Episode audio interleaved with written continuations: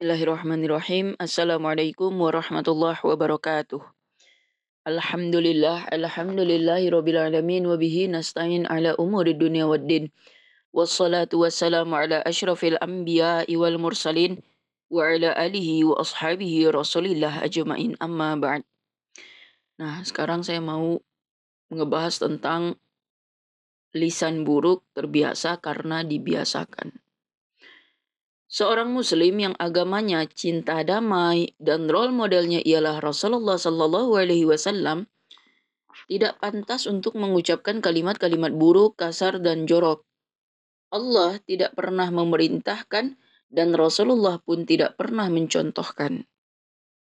Di surah ketiga-tiga ayat 70 Allah sendiri yang telah mengatakan A'udzubillahi minasyaitonirrajim Bismillahirrahmanirrahim يا أيها الذين آمنوا يا أيها الذين آمنوا اتقوا الله وقولوا وقولوا قولا سديدا Hai orang-orang yang beriman, bertakwalah kamu sekalian kepada Allah dan katakanlah perkataan yang benar.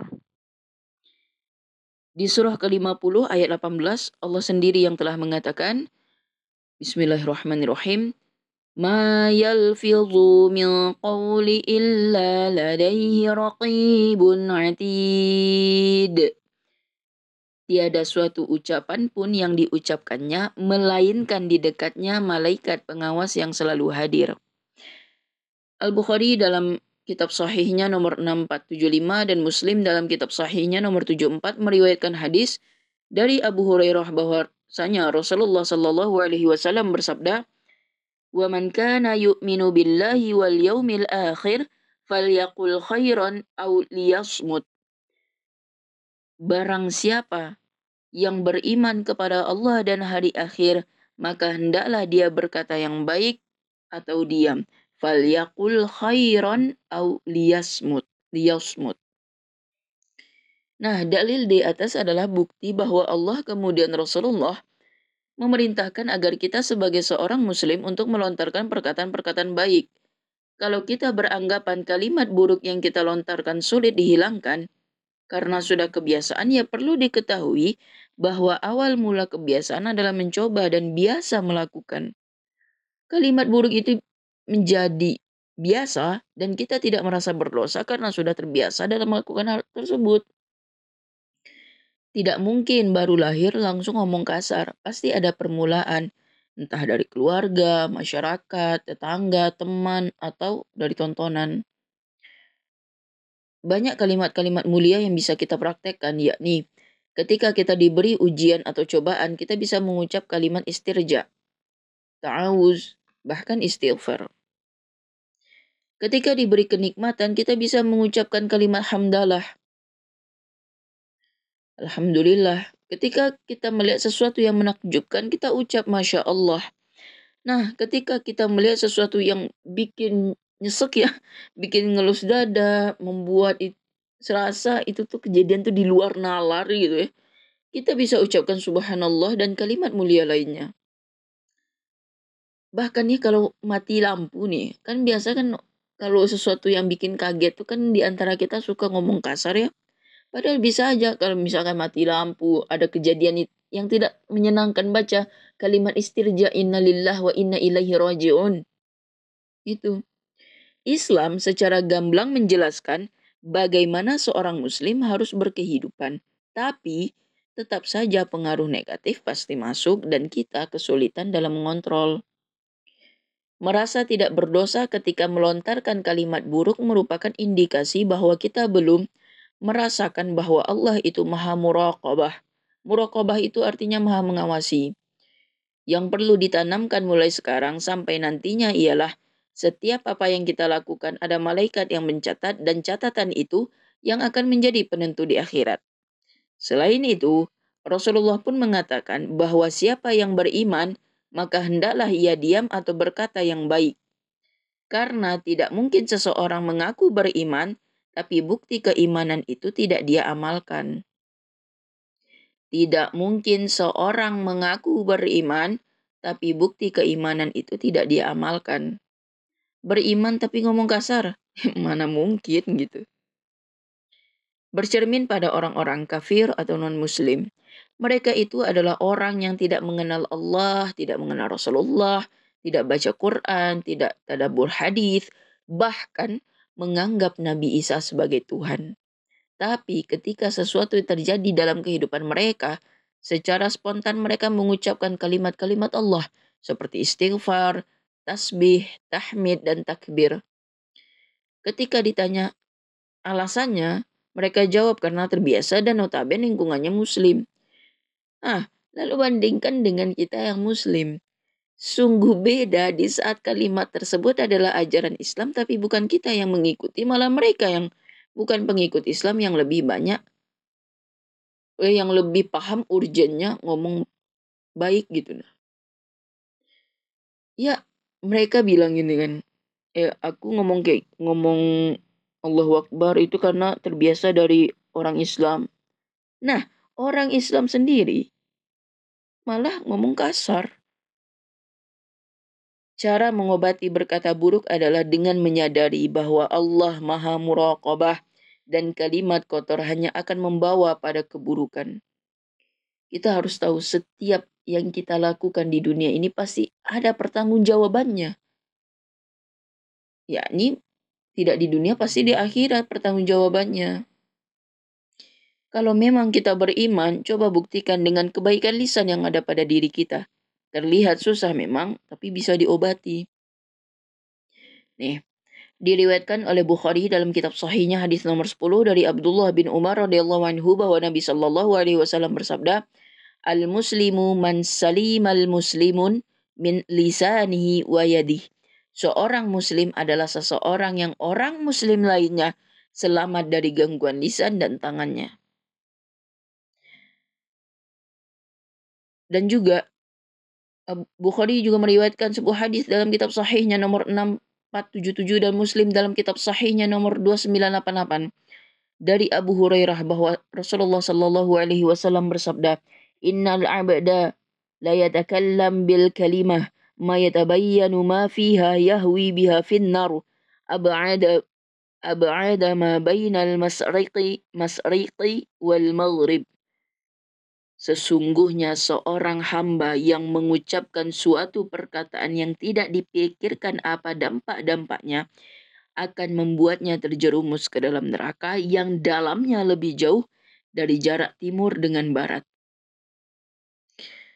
Di surah ke-49 ayat 11 Allah Ta'ala berfirman A'udzubillahi minasyaitonirrajim Bismillahirrahmanirrahim ولا تلمزوا أنفسكم ولا تنابزوا بالألقاب بئس الاسم الفسوق بعد الإيمان ومن لم يتب فأولئك هم الظالمون Dan janganlah kamu saling memanggil dengan gelar yang buruk. Seburuk-buruk panggilan ialah panggilan yang buruk fasid sesudah iman dan barang siapa yang tidak bertaubat maka mereka itulah orang-orang yang zalim. Sa'id bin Al-Musyab rahimahullah mengatakan La taqul li sahibik ya himar ya kalbu ya khinzir fayaqula laka yawmal qiyamah aturani khuliqtu khuliqtu kalban aw himaran aw khinziran Janganlah engkau berkata kepada temanmu, wahai keledai, wahai anjing, wahai babi, karena kelak di hari kiamat engkau akan ditanya, apakah engkau melihat aku diciptakan sebagai anjing, keledai, atau babi? Diriwayatkan oleh Ibnu Abi Syaibah dalam Al-Musannaf jilid 5 halaman 282. Nah, khusus yang ini di sekarang ini ya temannya tuh udah ada panggilan yang bagus, dikasih nama yang baik oleh orang tuanya sebagai doa. Nah, karena katanya semakin akrab perkawanan, pertemanan ya sem semakin kotor bahasanya. Na'udzubillah. Ya nggak bisa juga. Masa iya kita manggil teman kita dengan sebutan kalbun, khinzir, kirdun, tirdun. Gak mungkin kan kayak jahat banget gitu. Apakah pada hari kiamat pasti akan ditanya, apakah engkau melihat aku diciptakan sebagai anjing, keledai atau babi? Nah, panggillah kawan itu dengan panggilan yang baik. Justru seharusnya ya, seharusnya semakin kita mengenal teman kita, semakin kita paham teman kita, ya semakin baik ucapannya gitu nah. An Abdillah عن عبد الله قال قال رسول الله صلى الله عليه وسلم ليس المؤمن بالطعن ولا اللعن ولا الفاحش ولا البذيء dari Abdullah bin Mas'ud radhiyallahu anhu secara marfu' Rasulullah sallallahu alaihi wasallam bersabda bukanlah seorang mukmin laisal mukmin bukanlah seorang mukmin orang yang suka mencela suka melaknat bahkan orang yang suka berkata-kata kasar dan juga kotor. Laisal mu'minu bit'an walal la'ani walal fahishi walal badi. Hadis Tirmidzi dan Hakim. Dari Mu'adz bin Jabal radhiyallahu anhu, Rasulullah sallallahu alaihi wasallam berkata kepada Mu'adz bin Jabal, "Uffa 'alaika hadha faqultu ya Nabi Allah wa inna lamu'akhadhuna bima natakallamu bih." Faqala Thakilat.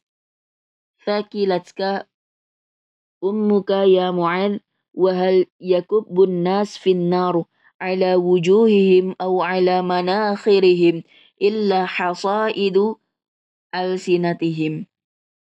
Tahanlah lisanmu. Tahan lisanmu sehingga aku Mu'adz bin Jabal bertanya, "Ya Rasulullah, apakah kita akan disiksa oleh Allah karena ucapan kita?" Rasulullah Shallallahu Alaihi Wasallam berkata, Wahai Mu'ad, tidaklah manusia tersungkur di neraka di atas wajah mereka atau di atas hidung mereka, melainkan dengan sebab lisan-lisan mereka. Wahai Mu'ad, tidaklah manusia tersungkur di neraka di atas wajah mereka atau di atas hidung mereka, melainkan dengan sebab lisan-lisan mereka. Hadis hadis riwayat Tirmizi nomor 2616, beliau mengatakan hadis ini hasan sahih. Lisan ini berbahaya. Maka ada ungkapan lisan itu lebih tajam dari pedang. Lisan itu tajam walaupun tidak bertulang. Jangan biasakan lisan mengatakan hal-hal yang kotor. Seorang bijak, seorang penyair mungkin mengatakan Awid lisanaka qawlal khair tahza bih. Innal lisan lima awwata mu'tadu. Biasakanlah lisanmu untuk mengucapkan kata-kata yang baik, maka engkau akan meraih hal tersebut. Artinya, kita akan terbiasa mengucapkan kata-kata yang baik. Karena lisan itu tergantung apa yang engkau biasakan. Innal lisan lima awwata mu'tadu. Dapat dalam kitab Majmu' al-Hikam wa al-amthal jilid 9 halaman 225. Nah, semisal ngomong kasar, tapi cuma di hati, di batin doang, itu gimana? Insya Allah tidak ada dosa selama tidak diucapkan dan lakukan. Namun tetap tidak dibenarkan karena umpatan tetaplah umpatan dan untuk menangkalnya adalah dengan berlindung kepada Allah. An Abi Hurairah radhiyallahu anhu 'anil Nabi sallallahu alaihi wasallam qala innallaha tajawaza an ummati ma haddatsat bihi anfusaha ma lam ta'mal au tatakallam.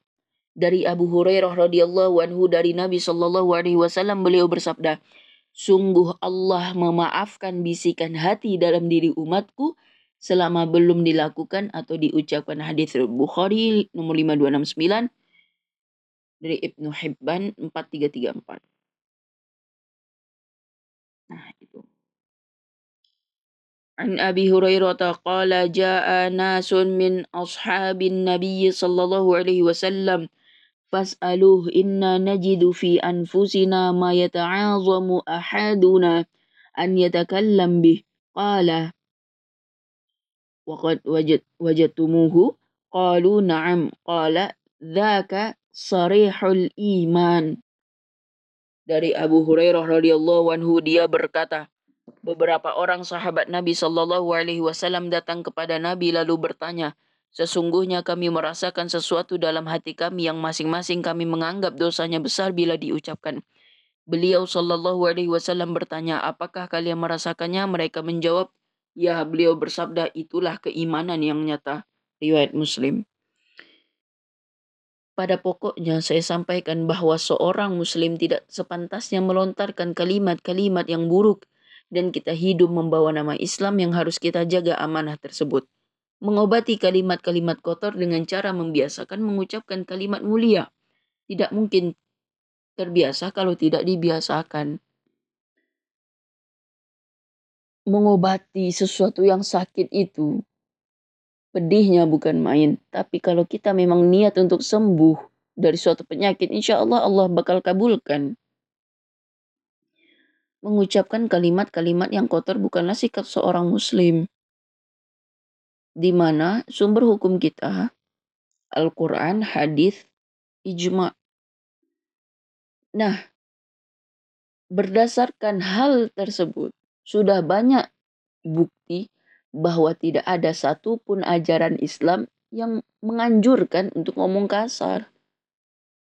Kenapa seolah-olah ngomong kasar itu kayak sekali nak ngomong kasar tuh kayak kurang lengkap hidup tuh kenapa? Maka mulai dari sekarang biasakan untuk ngomong yang baik. Berdoa sama Allah, "Ya Allah, selama ini aku ngomong kasar, Engkaulah saksinya ya Rob. Hamba memohon ampun kepadamu dan tolong bantu hamba untuk mengatakan hal-hal yang baik saja." Ingat, Allah itu maha muraqabah dan ada malaikat kiri kanan yang mencatat segala perbuatan pasti akan dipertanggungjawabkan. Laisal mu'minu bitta'an walal la'ani walal fahishi walal badhi. Seorang mukmin bukanlah pengumpat yang berkata keji, berkata kotor, dan berkata busuk. Baik, syukran ala hasni timamikun. Assalamualaikum warahmatullahi wabarakatuh.